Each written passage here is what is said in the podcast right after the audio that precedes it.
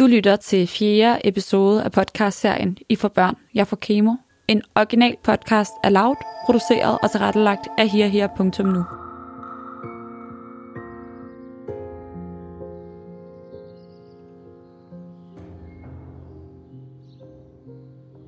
Den 2. august i en mørk nattetime skriver Ditte til sin veninde Freja. Hvis jeg dør, vil jeg gerne have, at dem, der er tilbage, ved, hvordan jeg har det med de ting, kraften og kemoen gør.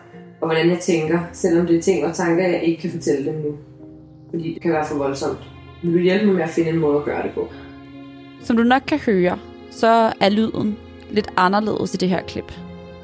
Klippet stammer fra en række samtaler, Ditte har med veninden Freja under Dittes sygdomsforløb. De her samtaler, som vi kalder de originale bånd, vil du møde senere i historien. Og de kan, som Ditte selv siger det, Vi vil gerne minde dig om, at de her optagelser oprindeligt var til min familie og venner, hvis jeg ikke overlevede kraften og kemoen. Så de snakke fra jer, jeg har, kan fremstå råt for usødet, personlige og meget ærlige, og samtidig et udtryk for vores tanker og følelser, lige præcis på det tidspunkt, der blev optaget. Vi håber, at du kan være over med de til tider skøre og kluntede formuleringer, og den autentiske og varierende lydkvalitet. Vi vidste jo ikke, at du skulle lytte med. Men kunne du bruge podcasten til noget? Hvad tror du, at andre, der har været eller er pårørende til en med kraft, selv er kraftramt, eller bare står i en sårbar situation i deres liv, kunne få gavn af at høre den, så må du meget gerne fortælle det videre. Så kan vi måske sammen hjælpe en, der lige nu står i eller har været igennem en svær periode i deres liv.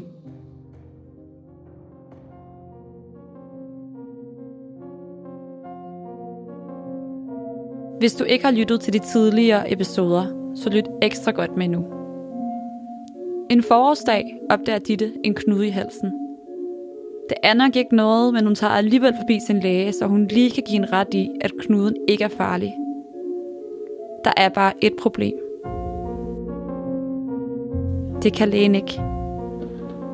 En knude i halsen, der trykker på Dittes luftveje, bliver fjernet. For uger efter får Ditte sin diagnose. Det er det, jeg bliver desværre nødt til at fortælle dig, at øh, din knude viser, at du har Hodgkins lymfom, altså lymfekræft. Et mentalt efterspil rammer Ditte dagen efter kraftdiagnosen.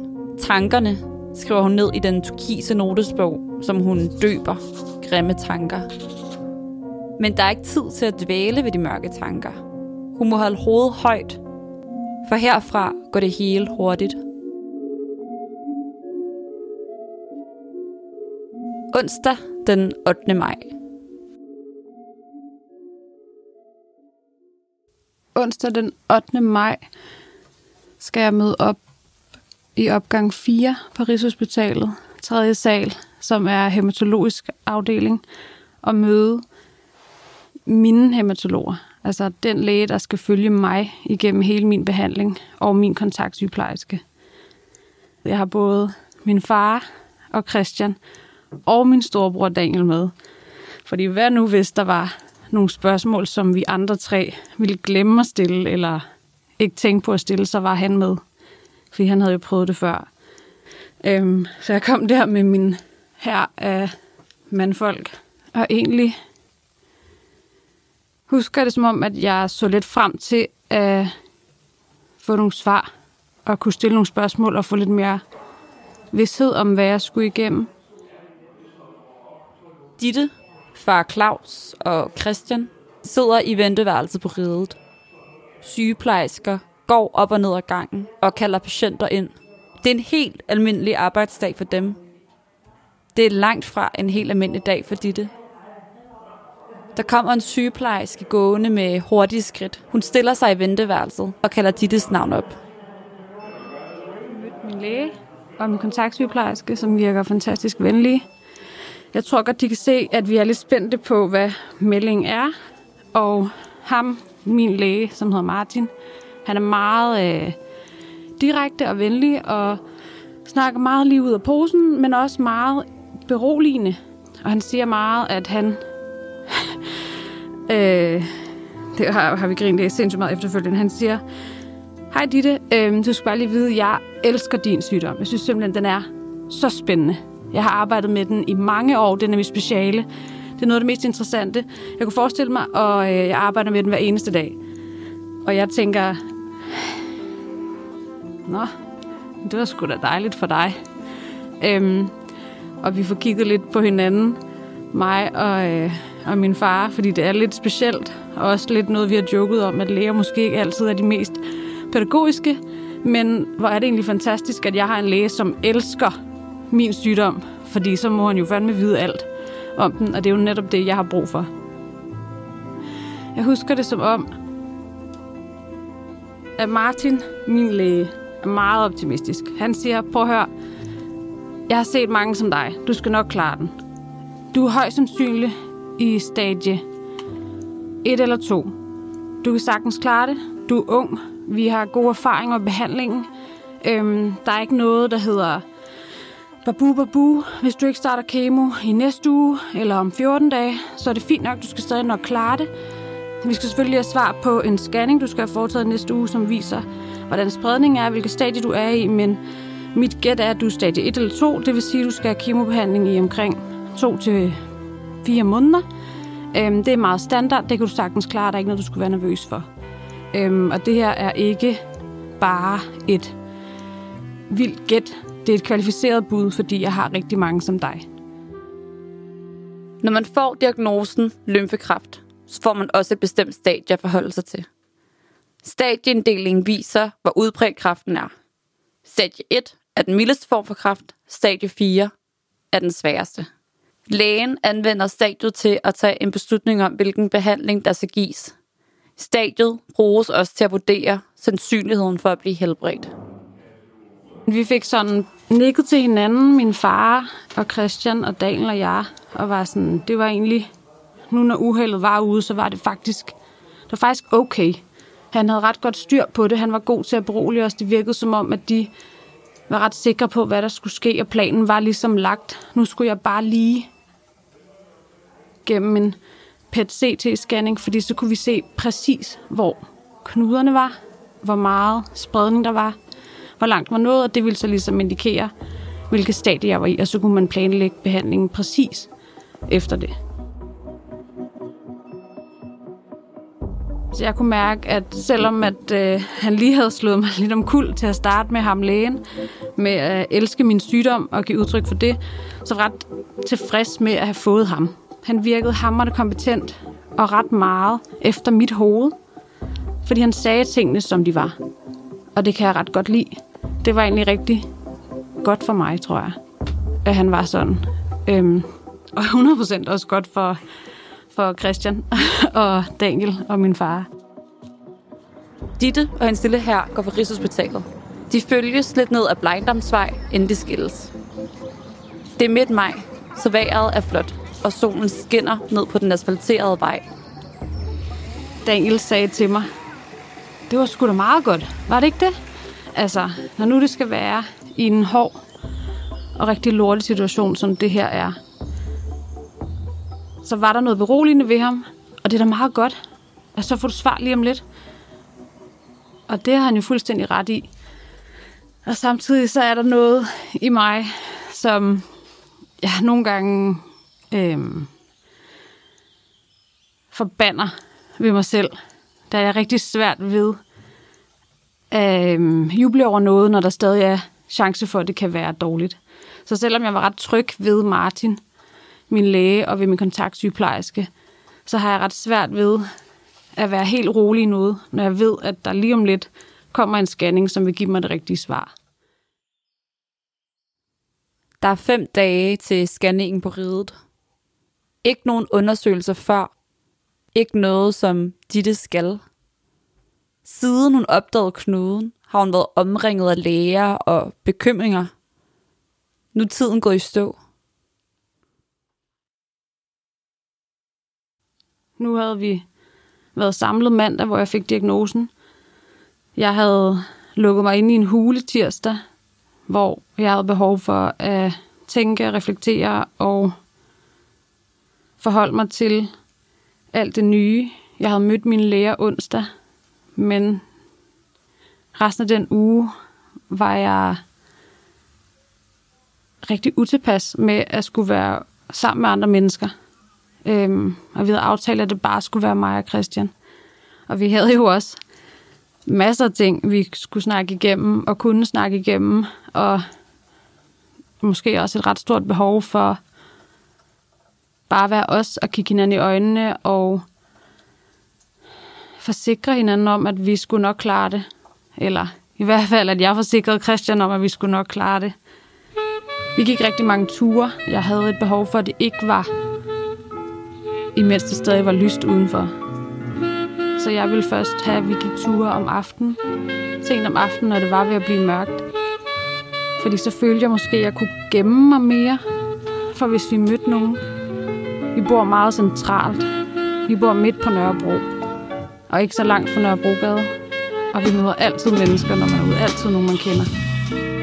Og så er København jo bare heller ikke større. Og det vil jeg bare rigtig gerne undgå. At møde nogen, som ikke vidste, at jeg havde fået den her diagnose. At møde nogen, som helt naturligt ville spørge mig, hey, hvordan går det? Og hvad fanden skulle jeg svare? Jamen, øh, jeg har lige fået konstateret kraft. Hvad med dig? Jeg hører, du har fået nyt arbejde. Altså, det kan man jo ikke. Så jeg går klar, tager mine ting, begynder at vandre Ser tilbage til de dage af mit liv, og det jeg godt ville forandre Men opgiver og opsiger min tilstedeværelse på denne planet Gjort og gjort og skete for tid En alt for hård tid for en forledet gammel gadestryger Smyger mig ned og smøgen, forsvinder i røgen fra min sidste ryger Som fordamper ligesom mig og bliver et med de triste skyer væk fra den her klode, for det er på mode at være psyko Så jeg er klart parat til start, og så væk i en fart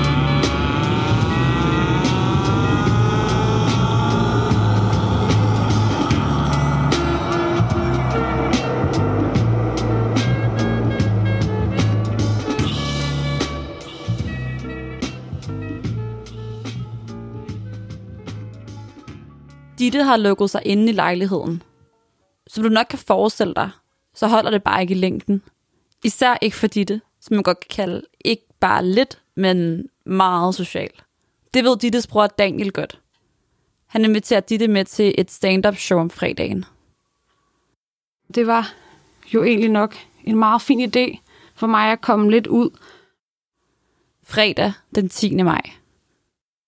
Og vi kunne bare komme, der er jo der får man jo pladser. Det er jo pladsbillet, så vi kunne bare komme lige inden det startede. Jeg behøvede ikke alt muligt. Og det var måske egentlig meget godt for mig. Og vi møder op, og det er i Folketeateret. Som det første, da vi træder ind i forjen, så møder vi en, som jeg kender, som spørger, hey, hvordan går det? Der er fandme lang tid siden. Og jeg tænker, pisser lort. Og jeg har stadig et ar på halsen. Og jeg havde snedet mig ud af mine rullekraver men havde halsterklæde på, som egentlig havde taget af, da jeg trådte ind i forjen, som jeg langsomt får snedet rundt om halsen igen. Og på det her tidspunkt havde jeg stadig Rapunzel-lignende tilstanden øh, langt hår, som jeg sådan fik rykket ind foran mit ar, fordi jeg simpelthen ikke ville have, at han opdagede, hvad pokker det var, jeg nu gik og skjulte på, øhm, for jeg var slet ikke klar til at sige det der. Hey, lang tid siden. Ja, helt vildt. Hvad der sker med din hals? Nå, det er bare, det er bare kraft. Det skal du ikke tænke på. Men hvad fanden laver du her? Det kunne jeg slet ikke. Og jeg tror godt, Daniel kunne se det på mig. Så han førte ligesom snakken. Og begyndte at snakke om alt muligt. For at jeg måske ikke behøvede at snakke så meget. Og fordi han kunne se, at jeg stod der i panik og prøvede at dække mit ar. Øhm, og der kunne jeg mærke, at det her det bliver for dumt. Det bliver for dumt på et eller andet tidspunkt, så skal folk have det her vide. Også fordi jeg er absurd dårlig til at lyve. Så var jeg blevet spurgt, hvordan går det med dig, eller et eller andet, hvis nu Daniel havde givet ham, vi mødte en mulighed for at spørge om det. Øhm, så havde jeg ikke kunne sige, det går da så fint. Det er ingenting, det skal du slet ikke tænke på. Øhm, så jeg kunne godt mærke, at der skal ikke gå længe, før jeg fortæller det her. Jeg kan bare ikke lige finde ud af, hvordan fredag den 10. maj. Det var så fredag, at jeg besluttede mig for, jeg har en masse nære venner og veninder, som jeg ikke har set og ikke har snakket med siden mandag, som jo egentlig tidsmæssigt ikke er længe. Der er bare lige sket det på de her dage, at jeg har smidt en bombe og fortalt, at jeg har kraft. Og så har jeg ikke svaret på nogen sms'er, taget nogen opkald. Jeg har simpelthen været forsvundet. Øhm, der har været fuldstændig radio silence, fordi jeg har haft behov for det. Men jeg kan jo godt regne ud, at de må sidde med en masse spørgsmål. Og der er jo faktisk også en masse ting, jeg gerne vil fortælle dem. Øh, så jeg besluttede mig for, at jeg ville samle dem. Høre, om de måske kunne sætte en time eller to af til at mødes med mig. Og så kunne jeg fortælle dem det, jeg vidste. For jeg havde jo mødt mine hematologer siden mandag. Der var jo noget ny information. Jeg havde jo noget at tænke en masse tanker. Øhm, der var nogle ting, der var gået op for mig, jeg var bange for. Øh, der var nogle ting, jeg var ret sikker på, jeg skulle have hjælp til. Der var nogle ting, jeg var ret sikker på, at Christian skulle have hjælp til. Øhm, så jeg skrev ud til mine tætte venner og hørte, om de ikke havde lyst til at komme forbi dagen efter. Lørdag den 11. maj. Og bare lige lade mig opdatere på, hvad jeg vidste so far. Og det behøvede ikke at tage lang tid. Men på den måde kunne jeg ligesom fortælle dem det samlet. Øh, og heldigvis så reagerede de alle sammen prompte. Og alle var klar til at møde op. Så jeg havde på kort tid fået arrangeret en lille get-together med mine tætteste venner hjemme hos mig lørdag formiddag. Det bliver lørdag morgen. Christian er ude for at gå en tur. Ditte er alene hjemme og venter på, at de venner, hun har inviteret, kommer. Nu skulle jeg se dem alle sammen i øjnene. Jeg har ikke set dem hele den her uge, hvor alt var blevet rystet, og nu skulle de alle sammen komme og se mig, som jo egentlig på det tidspunkt så helt normalt ud, og helt som jeg plejede. Jo, jo, jeg havde et nyt ar, men det havde jeg jo fandme haft i en måneds tid på det her tidspunkt, nærmest. Øhm, men alligevel var alt anderledes ved mig jo, og det vidste de jo også godt. Lørdag den 11. maj.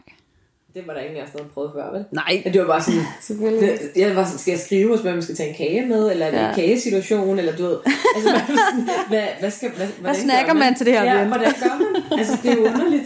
Det er jo så, det er jo så mærkelig en situation at være i for alle. Altså, der er ikke nogen, der har prøvet at afholde eller komme til sådan, til Nej. sådan noget før. Ditte ordner lige det sidste. Sætter puderne rigtigt i sofaen. Og jeg var et vrag i timerne op til. Jeg vidste ikke, hvad jeg skulle gøre mig selv. Jeg havde ikke planlagt, hvad jeg ville sige. Det var ikke, vi mødtes jo ikke for, slet ikke for at fejre noget. Øhm, og det, er jo ikke, det var ikke en, en hyggelig ting at mødes om. Men jeg havde sådan en idé om, at det var godt for mig at se dem i øjnene. Det var godt for mig at få fortalt dem det, jeg vidste på det her tidspunkt. Og måske var det ret godt for dem at have hinanden. Øhm, jeg ved jo med mine venner og veninder, hvad der er forskelligt ved dem, hvordan de er, hvordan de reagerer øh, i situationer. Nogle er sindssygt gode til at stille spørgsmål og være praktiske og tænke scenarier igennem. Andre er slet ikke. Øh, nogle skal kickstartes, øh, hvor der lige er en, der skal stille spørgsmål, og så kan de måske komme frem til, hvad de har behov for at vide. Så jeg tænker måske, at det er også til gavn for dem, at de er flere. Og det er helt sikkert til gavn for mig, at jeg ikke skal sige det her mange, mange gange. Dørtelefonen ringer. Ditte er den fødte vært. Men sådan her et event har hun aldrig hostet før. Altså noget, og nu skulle jeg se jer alle sammen. Ja, ja, Og jeg græd jo hver gang, der kom en ind ad døren. Ja, ja. Og det der med at kramme, og vi græd jo alle sammen. Det var fandme et stort tudeshow. Ja. ja, jeg kan huske, at jeg havde smækbukser på, med en lomme på, på, øh, på brystet, hvor jeg også lige fik puttet, øh, hvad hedder det? Lommelette ned Ja, der var fyldt med snotpapir dernede, fordi man vidste bare, at det var en, en årlig omgang, der man skulle igennem der. Det er det. Og så fik jeg sat jer alle sammen ned, samlede jeg min kæmpe sofa. Så sidder vi der 12 mennesker. Mm. Fik sendt Christian afsted. Ud af døren, ud og gå en tur, sådan, så jeg bare kunne sidde med jer. I fik ligesom også kigget hinanden i øjnene. Og var sådan, det er os, der er om det her. Det er teamwork. Jeg fik fortalt dem, hvad jeg var bange for. Jeg var rigtig bange for at isolere mig selv. Jeg har det ikke så godt med, at andre skal se mig have det dårligt. Jeg kan rigtig godt tænke mig at selv styre, om andre skal se mig være syg og se mig have det dårligt. Men jeg var også ret klar over, at det er ikke en mulighed, når man får kraft. Øhm, så jeg var udmærket godt klar over, at jeg kunne ikke styre, hvornår jeg ville se syg ud. Og jeg havde fået at vide af lægerne, at ligegyldigt hvilken en af kemobehandlinger det ville være, så ville jeg ikke gå mere en 3 til fire uger, så ville jeg begynde at miste rigtig meget hår. Og der ville nok allerede være meget, der var røget der. Så jeg vidste jo også, at det var et spørgsmål om tid, før at jeg ikke lignede mig, og jeg skulle forholde mig til det. Så jeg er rigtig dårlig til ikke selv at bestemme, hvornår jeg ser syg ud. Og ikke selv at have styring over, hvordan andre kan se mig. Øhm, og det frygtede jeg godt kunne udmunde i, at jeg ville isolere mig. For jeg er rigtig dårlig til med lidenhed. Jeg plejer altid at sige, at jeg har det rigtig fint med empati. Men med lidenhed kan folk godt pakke sammen. Det har jeg slet ikke brug for. Øhm, jeg er ikke så god til, når nogen har ondt af mig. Men jeg synes, at det er beundringsværdigt, når folk vil prøve at forstå, hvad for en situation man er i, der kan være hård. Og samtidig så ved jeg godt, at lige så snart der kommer et prædikat på som kraft, så er der nogen, der vil have medlidenhed med en. Der er rigtig mange, der vil synes, det er synd. Og det er det der højst sandsynligt også. Men måske jeg er slet ikke klar til at møde det fra alle mulige. Når jeg så heller ikke har muligheden for at pakke mig ind og fremstå, som jeg gerne vil, fordi at min krop kommer til at ændre sig. Og derfor tænkte jeg, at jeg godt måske kunne komme til at isolere mig lidt. Og det sagde jeg til dem. Hvis jeg når dertil, så bliver jeg nødt til at snakke med mig om det, også selvom jeg ikke har lyst til at snakke om det. Jeg fik fortalt dem, at jeg nok også havde brug for, at de støttede op om Christian. Fordi jeg er absurd dårlig til at bede om hjælp. Og har altid været det. Og det begynder mere og mere at blive i tvivl om, det er noget, jeg lærer på et tidspunkt i mit liv. Øhm, men Christian er virkelig også dårlig.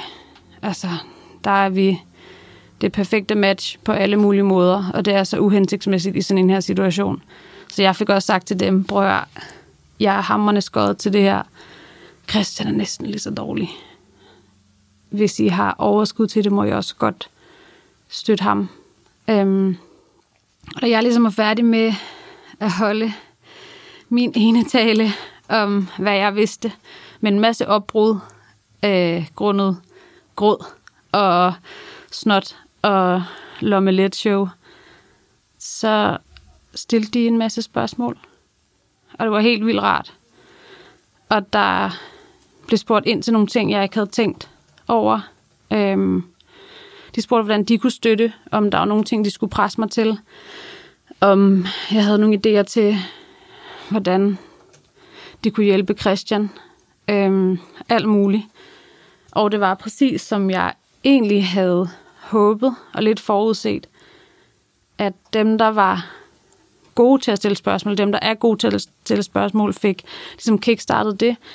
Og det gjorde, at de ligesom støttede hinanden. Så jeg så nogle veninder sidde fra en masse forskellige venindegrupper, sidde og støtte hinanden og være der for hinanden, og egentlig fik sådan en følelse af, at de her, de er alle sammen med mig. Jeg er jo overhovedet ikke alene i det her. Jeg ved, jeg har min familie. Jeg ved, jeg har masser af støtte derfra.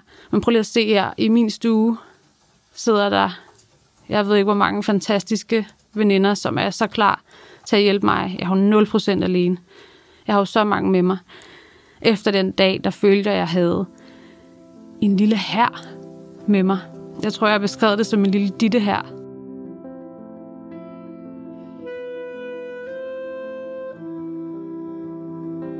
Ja, der var rigtig meget kærlighed også, ikke? Altså det, det der ja. med, at man også mødes, og at man ligesom, det der med at få sat ansigt på, og også at være i den situation, så er en lortig situation, men at være i den sammen, Mm. og sådan omkring dig, det var der også noget virkelig fint i, ikke? Det var en begynd- begyndelsen på et forløb, at, som ligesom blev blevet skudt af med virkelig meget kærlighed, ikke? Jo, Det synes jeg var rigtig fint. Det kunne man virkelig mærke. det synes jeg nemlig også. Jeg, er så, jeg var så meget, som jeg var et vrag inden. Mm. Lige så lettet var jeg bagefter. Fuldstændig forgrædt, fordi Ja. det var så at sidde og kigge på jer alle sammen i øjnene, som alle sammen sidder og kigger på mig og fortæller jer alt det, jeg har fået at vide. Og stadig alt det uvisse, og alt det, jeg frygter, og alt det, som jeg skal forholde mig til.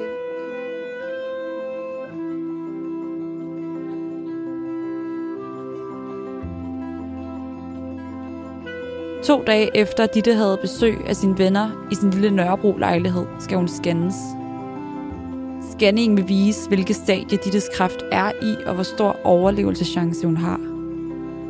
Svaret får du i næste episode, hvor Ditte står over for et af de sværeste valg, du kan forestille dig.